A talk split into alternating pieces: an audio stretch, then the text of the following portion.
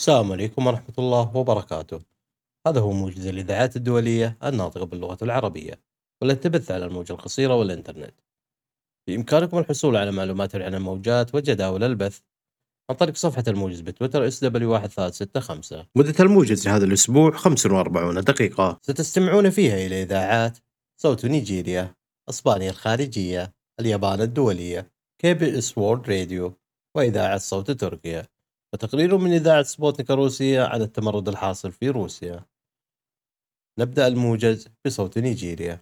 نيجيريا طمأن الرئيس بولا أحمد تنوبو المواطنين إلى إعادة تنظيم قطاعي التعليم والصحة في حين أن الإصلاحات الجارية في الاقتصاد ستستمر وتتوسع. ويقول الرئيس إنه سيفعل ذلك بهدف تخفيف عبء الفقر وانعدام الأمن على الأسر. وفي جلسة تفاعلية مع أعضاء الجالية النيجيرية الذين يعيشون في فرنسا والذين أشادوا بالرئيس تينوبو لاتخاذ خطوات جريئة وحاسمة ذات صلة في إصلاح الاقتصاد. قال رئيس نيجيريا بولا أحمد تينوبو إن المزيد من السياسات الإبداعية والمبتكرة سيتم الكشف عنها وتنفيذها في المجالات التي تؤثر بشكل مباشر مصمص في مصدر رزق النيجيريين مثل الكهرباء والرياضة والطاقة. وقال الرئيس تينوبو إن مصالح النيجيريين ستتم حمايتها دائما حتى في التعامل مع المجتمع الدولي والحكومات والمؤسسات متعددة الأطراف بشأن القضايا العالمية المتعلقة بتغير المناخ وتحول الطاقة والأمن الغذائي والتجارة والأمن والدبلوماسية. ومن جهة أخرى في الوقت نفسه قال الرئيس بولا أحمد تنوبو إن نيجيريا ستواصل تسليط الضوء على الدول الإفريقية باعتبارها نقطة ارتكاز لسياساتها بشأن الاقتصاد والسياسة الخارجية مؤكدة أن قضايا التجارة والأمن وضوابط الحدود سيتم تنفيذها بشكل متبادل في استقباله. وفي استقباله رئيس جمهورية بنين باتريس تالون بعد قمة ميثاق التمويل العالمي الجديد أشار الرئيس تينوبو إلى أنه سيتم تعزيز العلاقات الثنائية مع البلدان مع البلدين الأفريقية البلدان الإفريقية لا سيما على المستوى الإقليمي لتحقيق منافع مشتركة في مجالات الأمن والصحة والطاقة والتعليم. ووصف الرئيس تينوبو أيضا علاقات نيجيريا مع جمهورية بنين بأنها علاقات توأم السيامس تلتقي عند الوركين وتدعمها دول صديقة أخرى. وقال رئيس بنين إنه استوحى الأمل المتجدد للمنطقة وإفريقيا في حفل تنصيب الرئيس تينوبو في أبوجا متعهدا بتقديم الدعم في مجال التجارة والسياسة الأمنية وخاصة على الحدود. وفي هذه الجهة من الأخبار أعربت الحكومة النيجيرية و وغانا عن التزامهما بمكافحة الجرائم المنظمة العابرة للحدود. وفي مذكرة تفاهم وافقت لجنة مكافحة الجرائم الاقتصادية والمالية في غانا ومكتب مكافحة الجريمة المنطقة والاقتصاد في غانا على التعاون مع معالجة الجرائم الاقتصادية والمالية العابرة للحدود وخاصة الجرائم الإلكترونية. وفي حديثه في العاصمة أبوجا وصف القائم بأعمال رئيس مجلس إن إدارة لجنة التجارة السيد عبد الكريم تشوكول توقيع مذكرة التفاهم بأنه ذروة سلسلة الارتباطات بين الوكالتين في الأيام القليلة الماضية. وبين عبد الكريم تشوكول اعتقاده بأن مذكرة التفاهم ستشير إلى تحذير للمحتالين في كلا السلطتين القائضيين بأنه لن يكون العمل كالمعتاد.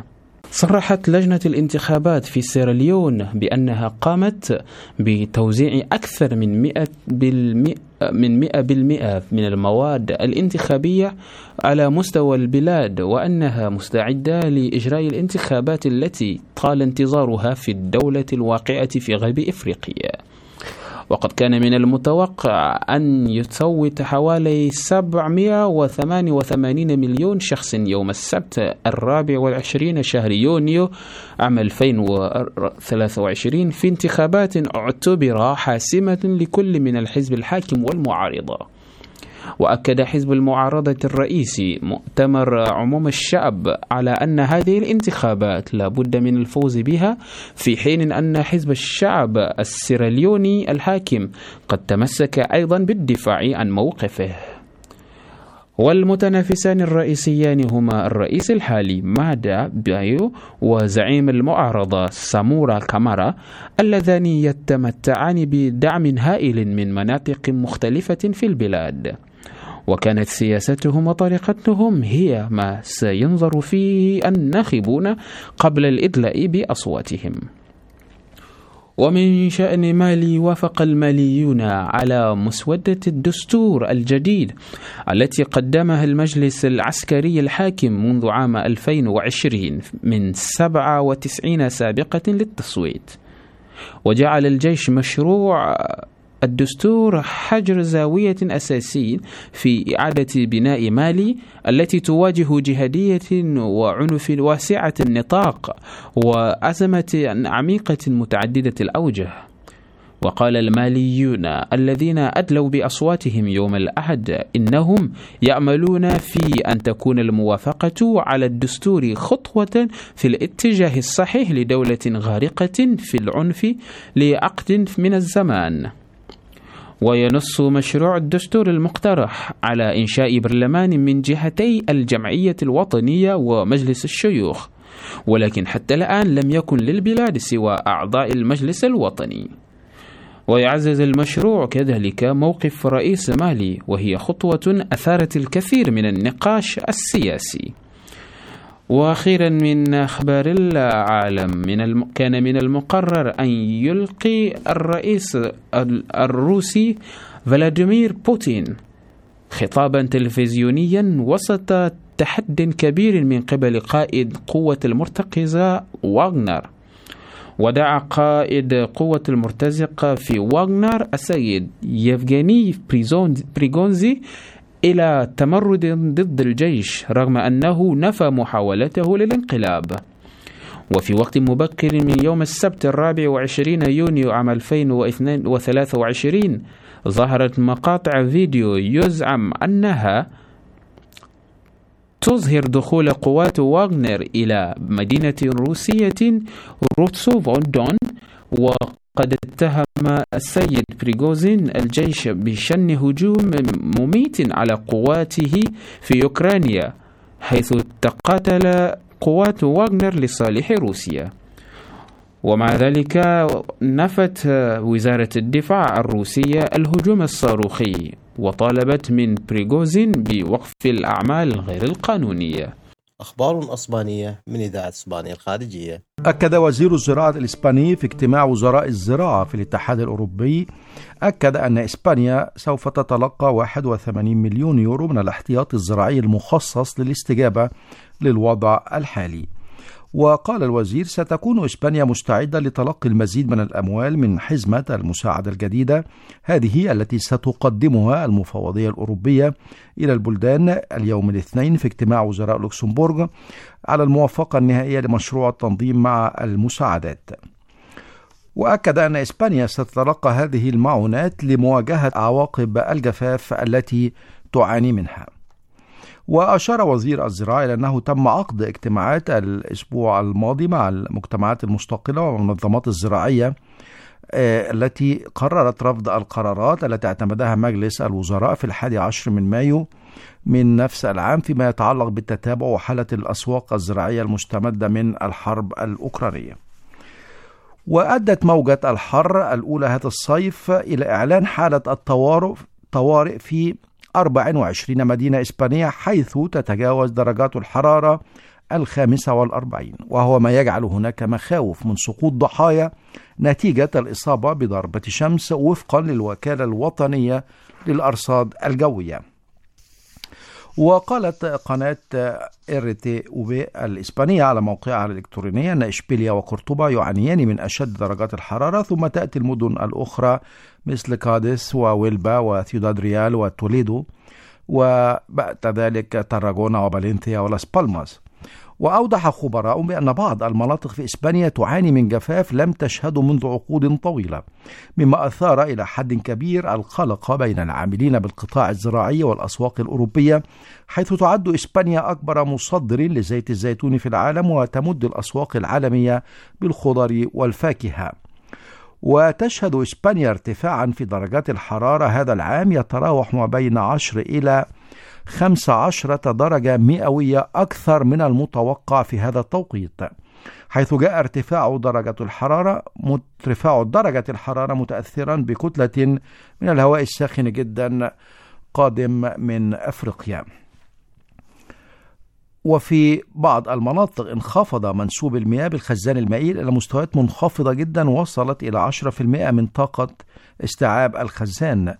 لذلك يعمل الصيادون بقواربهم لاصطياد وإخراج الأسماك من الخزان المائي قبل أن تموت وتلوث المياه وتجعلها غير صالحة للاستهلاك الآدمي.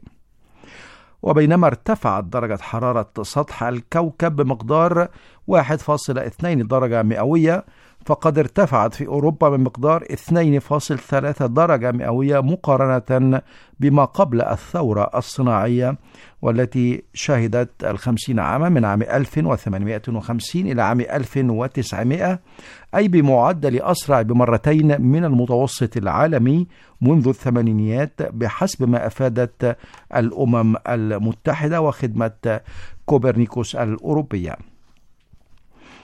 هذا وقد ألغت شركة طيران إير أوروبا 12 رحلة جوية يوم الأحد أمس نتيجة الإضراب الذي دعا إليه الاتحاد الإسباني لطيار الخطوط والذي من الجوية والذي من المفترض أن يستمر حتى الثاني من يوليو حسب ما قالت صحيفة الأوكونوميستا الإسبانية. كان ذلك عن موقع اليوم السابع وأشارت الصحيفة أن الاتحاد الإسباني لطيار الخطوط الجوية أكد اضطراره إلى اتخاذ هذه الخطوة الصعبة التي ترد على عرقلة إدارة طيران أوروبا للتفاوض مع العمال على الرواتب وظروف العمل. وفي خبر رياضي استعاد الإسباني كارلوس الكاثا الاثنين صدارة التصنيف لاعبي كرة المضرب التنس من الصربي ديغوفيتش بعد يوم من تتويج بأول ألقابه على الأراضي العشبية وذلك قبل أسبوع من انطلاق بطولة ويمبلدون ثالثة البطولات الأربع الكبرى.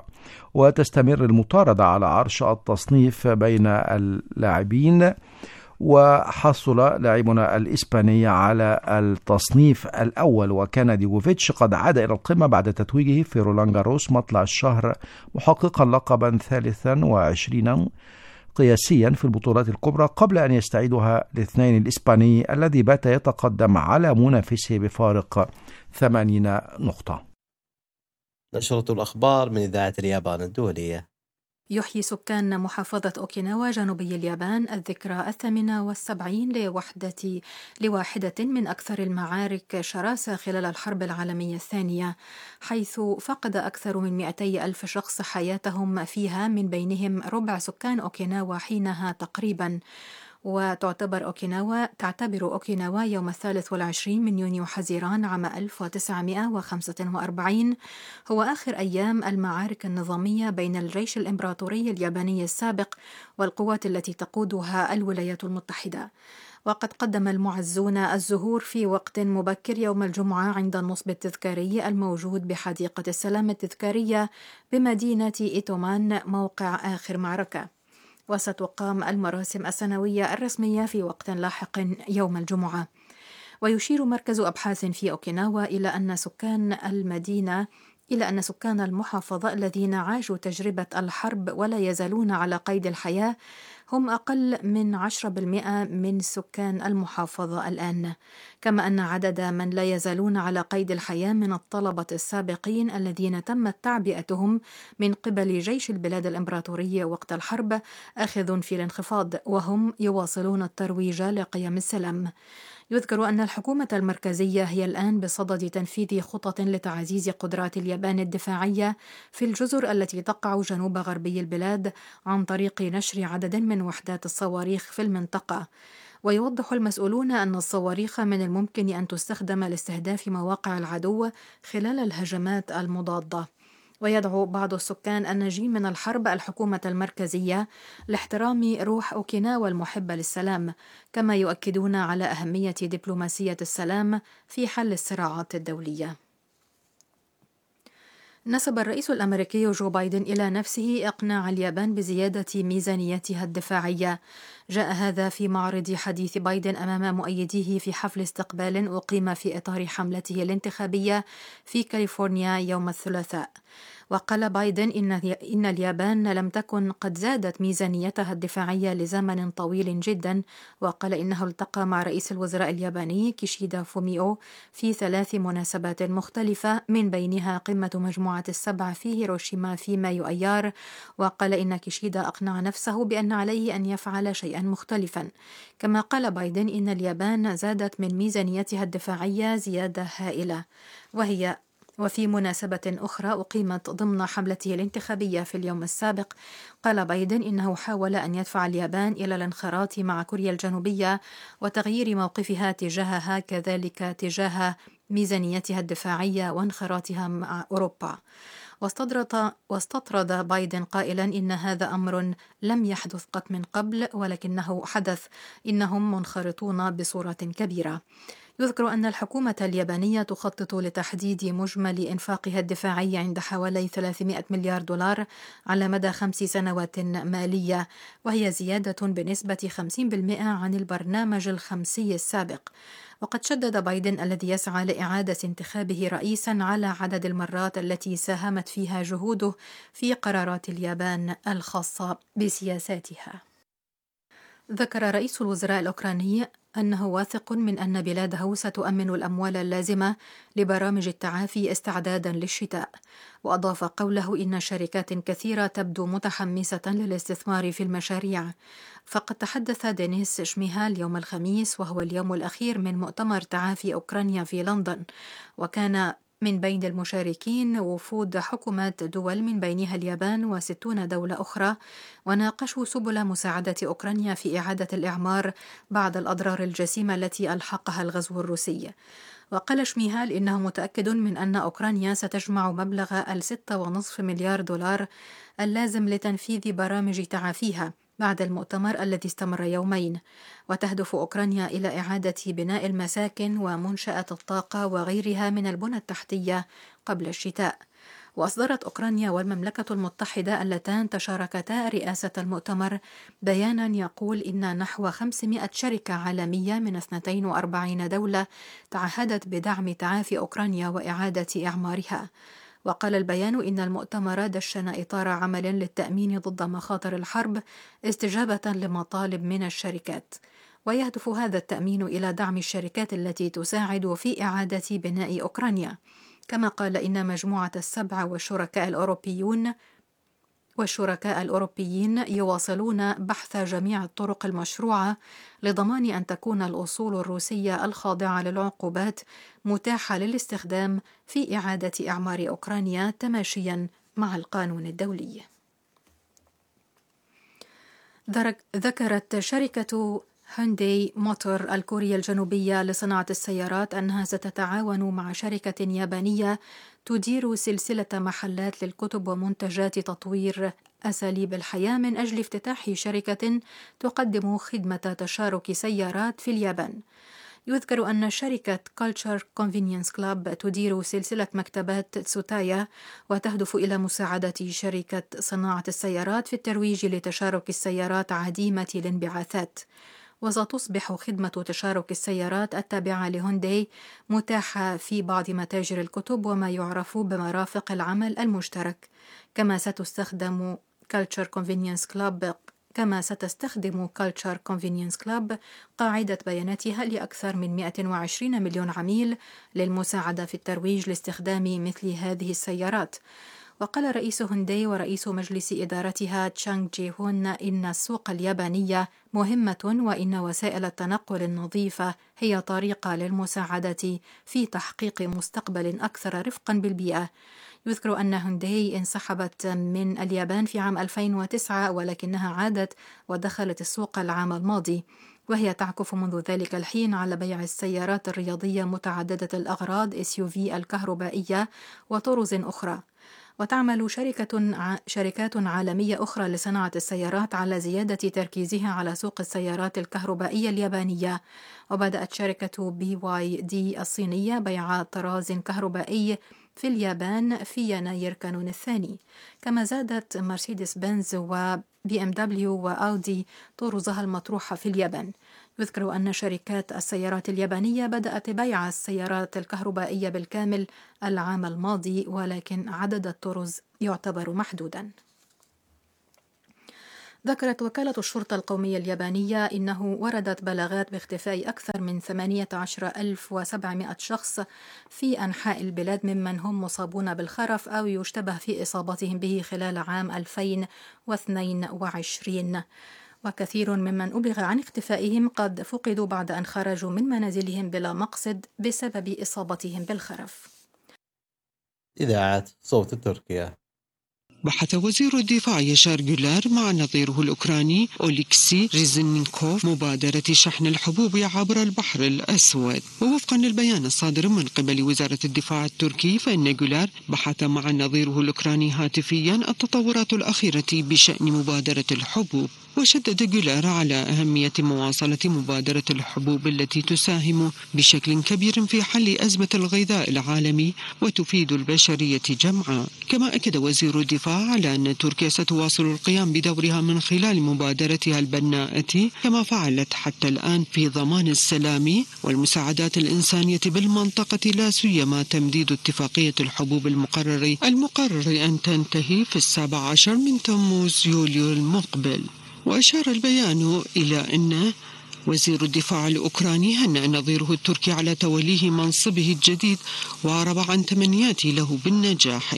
هذا وفي تموز يوليو 2022 وقعت تركيا والأمم المتحدة وروسيا وأوكرانيا في إسطنبول اتفاقية لاستئناف صادرات الحبوب من الموانئ الأوكرانية التي توقفت مؤقتا بعد بدء الحرب الروسية في فبراير شباط من العام ذاته وذلك لمعالجة أزمة الغذاء العالمي.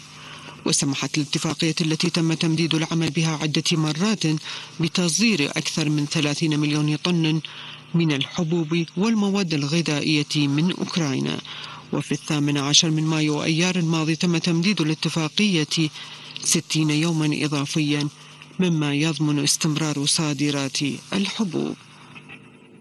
أعلنت وزارة الدفاع التركية استسلام أربعة إرهابيين من منظمة بيكيكي الإرهابية الانفصالية للسلطات التركية في شمال العراق. وأفادت الوزارة في بيانها أن الفرار من التنظيم الإرهابي مستمر نتيجة العمليات الأمنية المتواصلة في إطار عملية المخلب القفل شمال العراق. وأوضحت أن أربعة إرهابيين سلموا أنفسهم لقوات الأمن التركية المتواجدة في مركز الخابور الحدودي مع العراق بعد فرارهم من التنظيم. وأعلنت وزارة الدفاع التركية القبض على ثلاثة أشخاص أثناء محاولتهم التسلل خارج البلاد بينهم عضوان في تنظيم جولان الإرهابي. وذكرت الوزارة في بيانها أن قوات حرس الحدود أوقفت ثلاثة أشخاص أثناء محاولتهم التسلل من تركيا إلى اليونان عبر الحدود. وأفاد البيان أيضا أن التحقيقات الأولية أظهرت أن اثنين من الموقوفين عضوان في التنظيم الإرهابي وشددت الوزارة على أن قواتها ستواصل حماية حدود بلادها. تقدم شركة توساش لصناعات الطيران والفضاء التركية طائراتها المسيرة سوبر شمشك بمعرض باريس الجوي الدولي 2023 المقام بين التاسع عشر والخامس والعشرين من يونيو حزيران. وتطور الشركة سوبر شمشك أي البرق الخارق وهي من طراز طائرة هدف بدون طيار لتطوير أنظمة الدفاع الجوي التركية واستخدامها من قبل المعنيين. وقال أزجر صين كبير مهندسي مشروع المسيرات التكتيكية في توساش إن السوبر شمشك تستعد لإيداء مهماتها بحلول سبتمبر أيلول بعد إتمام سلسلة اختبارات بنجاح. وأضاف الصين أتممنا التحضيرات لتحليق الطائرة المسيرة في اللحظة المناسبة بعد عطلة عيد الأضحى وفق الخطة المرسومة.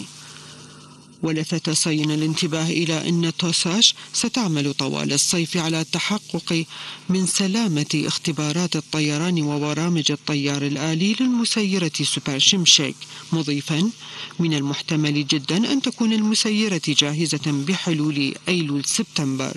وأوضح كبير المهندسين أن السوبر شمشك تعد النسخة المعدلة للطائرة شمشك وتصل سرعة الأولى 0.8 إلى 0.9 ماخ ويزيد مداها عن 700 كيلومترا.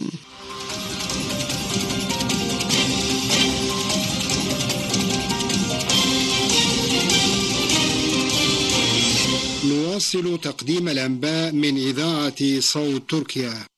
المناورات المشتركة بين القوات الجوية التركية والنظيرة الأذربيجانية تواصلت في العاصمة الأذربيجانية باكو وتشارك في المناورات التي تحمل اسم ألبان 2023 مروحيات ومقاتلات من القوات الجوية التركية والأذربيجانية.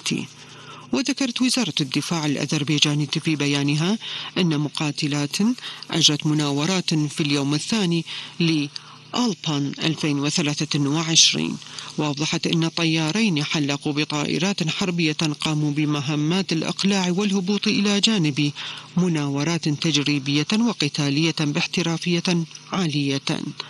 وتهدف المناورات التي انطلقت يوم الأربعاء إلى تحسين المهارات النظرية والعملية للأفراد وزيادة التفاعل والقدرة القتالية بين الوحدات.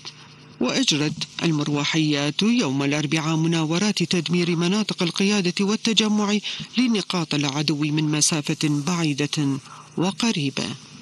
قال السفير الأمريكي لدى أنقرة جيف فليك أن حجم التبادل التجاري بين الولايات المتحدة الأمريكية وتركيا شهد ارتفاعا بنسبة 22% خلال عام 2022 وبلغ 33 مليار دولار.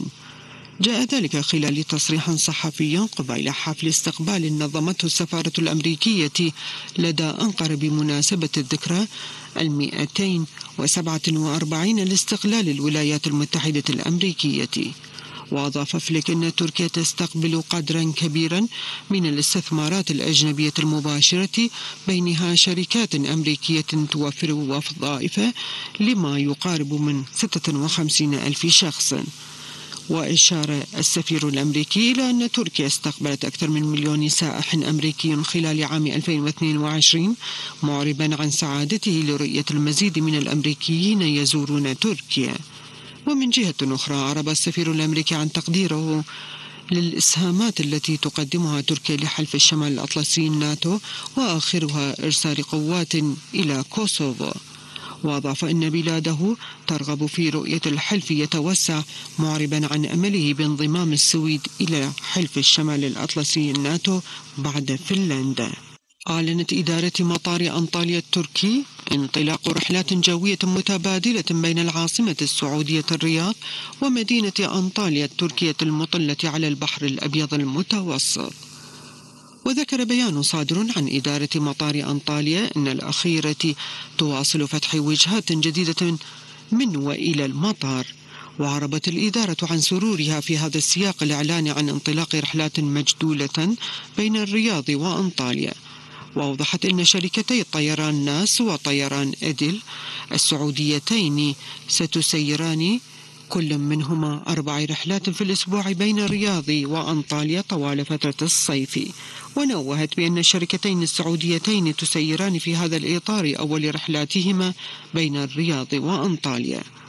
وأشارت إلى أن طيران ناس قامت بأول رحلة لها على هذا المسار يوم الأربعاء المصادف للحادي والعشرين من يونيو حزيران فيما تقوم طيران إدل بأول رحلاتها يوم أمس الخميس. وقعت الإمارات العربية المتحدة وإيران اتفاقية ثنائية بشأن توسيع خدمات النقل الجوي بين البلدين. وذكرت وكالة أنباء الإمارات وام أن الهيئة العامة للطيران المدني الإماراتية وقعت بمقرها في دبي اتفاقية مع إيران في مجال النقل الجوي ضمن زيارة يجريها وفد إيراني برئاسة وزير الخارجية حسين أمير عبد اللهيان. وأوضحت الوكالة أن الاتفاقية وقعها عن الإمارات مدير عام الهيئة سيف محمد السويدي وعن إيران رئيس الطيران المدني محمد محمدي باخش. وقال السويدي أن الاتفاقية تعد خطوة مهمة إلى الأمام فيما يخص تنظيم الرحلات الجوية وتمهد الطريق لتوسيع شبكة خدمات النقل الجوي بما يعود بالفائدة على شركات النقل في البلدين. وأشار إلى أن الاتفاقية تسهم في خلق فرص جديدة للتجارة ودعم عمليات الناقلات الوطنية للدولة وتعزيز الشراكة الاقتصادية بين رجال الأعمال والشركات التجارية وتشجيع المنافسة الحرة هذا وصباح الخميس بحث رئيس الإمارات الشيخ محمد بن زايد آل نهيان في قصر الشاطئ بالعاصمة أبو ظبي مع وزير الخارجية الإيراني والوفد المرافق له العلاقات الثنائية بين البلدين وسبل العمل المشترك. وتعد الإمارات المحطة الرابعة لجولة عبد اللهيان في الخليج شملت أيضا قطر وعمان والكويت حيث عقد اجتماعات مع مسؤولين في تلك الدول لتبادل وجهات النظر بشأن التعاون الثنائي والقضايا الإقليمية والدولية.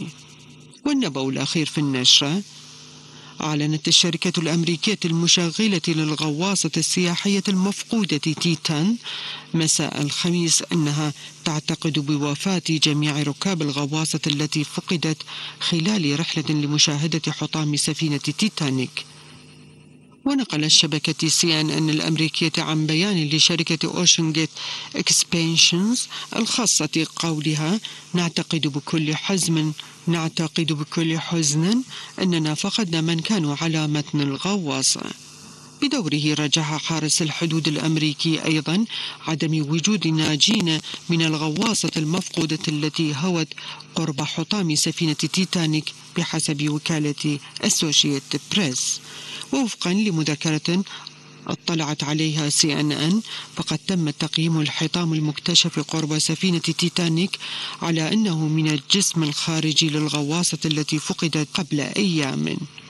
هذا وتنظم شركة أوشن جيت إكسبانشنز المختصة بالتنقيب تحت سطح البحر ومقرها مدينة إفريت بالعاصمة الأمريكية واشنطن رحلات سنوية إلى تيتانيك منذ عام 2021 وكانت السلطات الأمريكية أعلنت أن الغواصة تيتان كانت تقل خمسة أشخاص عندما فقدت السفينة الأم الاتصال بها صباح الأحد الماضي بعد حوالي ساعة وخمسة وأربعين دقيقة من هبوطها لاستكشاف حطام سفينة تيتانيك في المحيط الأطلسي. أخبار كوريا الجنوبية. من إذاعة كي بي إس وورلد راديو بدأ الرئيس الكوري الجنوبي يون سوك يول زيارة رسمية إلى فيتنام اليوم الخميس بعد اختتام رحلته التي استمرت ثلاثة أيام إلى فرنسا للترويج لملف استضافة كوريا لمعرض إكسبو 2030 العالمي. وغادرت الطائرة الرئاسية الكورية من باريس في حوالي الساعة الرابعة من مساء أمس الأربعاء لتنقل يون إلى فيتنام في زيارة رسمية تستغرق ثلاثة أيام لتعزيز التعاون الثنائي. وسوف يسعى الرئيس الكوري خلال هذه الزيارة إلى إيجاد سبل لتعزيز العلاقات الودية بين البلدين من خلال الالتقاء بعدد من الفيتناميين الذين يتعلمون اللغة الكورية وغير ذلك من الأحداث مثل معرض المشاركة بين كوريا وفيتنام وحدث للتبادلات الثقافية. وسوف يعقد الرئيس الكوري غدا الجمعة مباحثات قمة مع الرئيس الفيتنامي واجتماع مع الأمين العام للحزب الشيوعي في فيتنام. نجح اتحاد تجاري دولي بقيادة شركة بوسكو القابضة الكورية الجنوبية وسامسونج للهندسة في الفوز بمشروع لتطوير وبناء مصنع للهيدروجين الأخضر على نطاق واسع في سلطنة عمان. ووفقا لشركة بوسكو القابضة اليوم الخميس وقع الاتحاد التجاري الذي يضم ست شركات من ثلاث دول اتفاقية مع شركة هيدروجين عمان في العاصمة العمانية مسقط أمس. وتتعلق الصفقة ببناء مصنع للهيدروجين الأخضر بطاقة سنوية تبلغ 220 ألف طن في منطقة الدقم التي تقع على بعد حوالي 450 كيلو مترا إلى الجنوب الغربي من العاصمة العمانية مع تولي الإنتاج في المنشأة لمدة 47 عاماً. والشركات الست المشاركة في الاتحاد هي شركة بوسكو القابضة وشركة سامسونج للهندسة وشركة كوريا الجنوبية للطاقة وشركة الكهرباء الشرقية الغربية الكورية وشركة إنجي الفرنسية وشركة بي تي تي إي بي التايلاندية الحكومية. صرحت وزارة الاقتصاد والمالية في كوريا الجنوبية بأنها بدأت في تشغيل نظام لتسليم العروض الاستثمارية إلى حكومة دولة الإمارات العربية المتحدة، وأنها قد نظمت جلسة شرح في هذا الشأن عقدت في مجمع المكاتب الحكومية في مدينة سيجونغ أمس. وكانت الحكومة الإماراتية قد أعلنت خلال القمة بين الرئيسين الكوري والإماراتي في شهر يناير الماضي عن خطة لاستثمار 30 مليار دولار في كوريا وبالتالي أجرت الحكومة والبنك الصناعي الكوريان مشاورات حول تلك الخطة مع شركة مبادلة الإماراتية للاستثمار.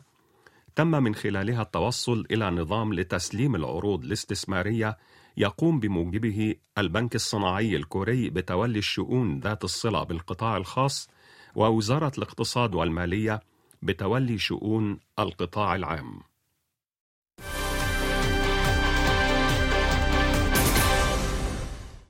أقر البرلمان الكوري في جلسة عامة أمس تعديلات على قانون معاقبة جرائم الترصد والملاحقة للسماح بمعاقبة المتهمين حتى لو أعربت الضحية عن عدم رغبتها في عقاب المتهم.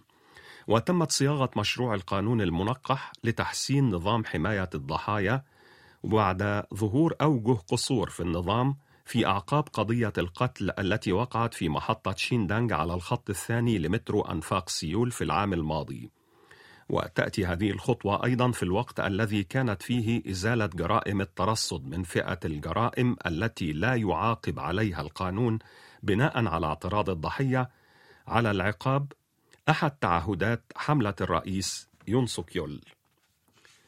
اختارت مجلة تايم الأمريكية شركات كيا أمريكا وسامسونج وإس كي ضمن قائمتها لأكثر 100 شركة تأثيرا في عام 2023 وأصدرت المجلة الأمريكية قائمة هذا العام أول من أمس حيث وضعت كيا أمريكا في فئة المبتكرين لتطوير سيارتها الكهربائية.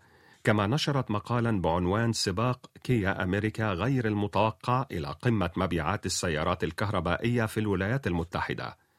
وقالت مجلة تايم إن كيا أمريكا تخلت في العام الماضي عن سمعتها في صناعة السيارات الرخيصة وحققت رقما قياسيا جديدا في المبيعات السنوية عندما أطلقت أول سيارة كهربائية بالكامل. كما اختارت المجلة كل من سامسونج وإس كي في فئة العمالقة. نظمت القنصلية الكورية الجنوبية في مدينة نيويورك ومؤسسة الرئيس الأمريكي الأسبق ريتشارد نيكسون مراسم تذكارية بشكل مشترك بمناسبة الذكرى السبعين على إقامة التحالف الكوري الأمريكي حيث كشفت مؤسسة نيكسون عن بعض الوثائق التي تتحدث عن العلاقات الكورية الأمريكية منذ سبعين عاماً. وكشفت مؤسسة نيكسون والإدارة الأمريكية للسجلات الوطنية عن ثلاثة أنواع من الملفات تشمل أصول خطة إعادة إعمار كوريا الجنوبية التي وضعها الرئيس الكوري الأسبق إي سونغ مان في عام 1953 بعد انتهاء الحرب الأهلية الكورية وتحتوي الخطة المكونة من 13 صفحة على إعادة تشكيل الشركات والصناعات الكورية من خلال إنشاء صندوق مالي لإعادة إعمار كوريا الجنوبية بقيمة 250 مليار دولار من رؤوس الأموال الأمريكية.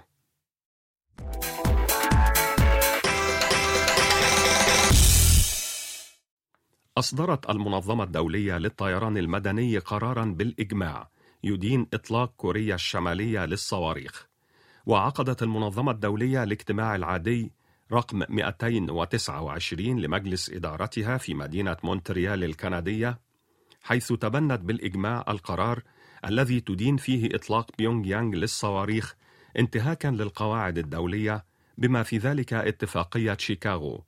وقالت وزارة الخارجية الكورية الجنوبية إن هذا القرار يدعو كوريا الشمالية إلى الالتزام الصارم بالاتفاقية وملحقاتها والإجراءات ذات الصلة كما يتضمن القرار أيضا إدانة لإطلاق كوريا الشمالية للصواريخ التي تنتهك قرارات مجلس الأمن التابع للأمم المتحدة باستمرار وتهدد سلامة الطيران المدني الدولي.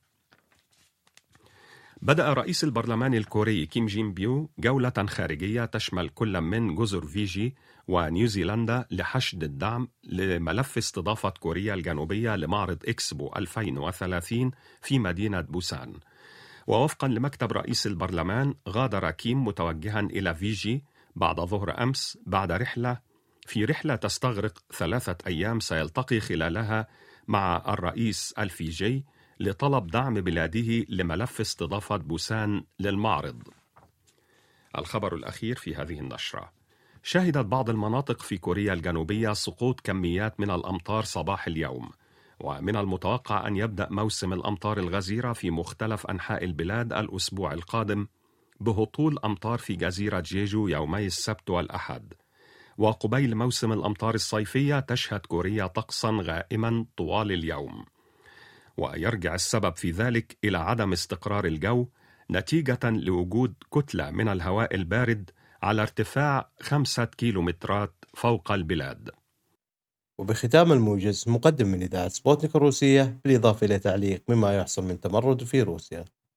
بين ليلة وضحاها وبلحظة من اللحظات تتغير الأمور وتخرج عن المألوف. من كان معك تراه ضدك قد تحسب كل الحسابات وتكتب كل المعادلات ولكن طعنة بالظهر تأتي تغير موازين المعادلة. من كان معك بمعارك مؤمن بأهدافك دوافعك وانتصاراتك. تجده اليوم يكفر بكل ذلك. تمرد عسكري هكذا وصفته موسكو. وطعنة بالظهر هكذا وصفها بوتين. مجموعة فاغنر وما حدث يوم الثالث والعشرين من حزيران. ما الدوافع والأسباب من يقف خلف كواليس الحكاية وكيف تعاملت القيادة الروسية الحكيمة مع ذلك التمرد؟ وكيف طبلت جهات أخرى وتصورت أنها اللحظة القاضية؟ وتوهمت أن روسيا قد هزت أركانها؟ وبات كل واحد يحلل ويستنتج على هواه؟ وحكمة بوتين كانت هي الفيصل.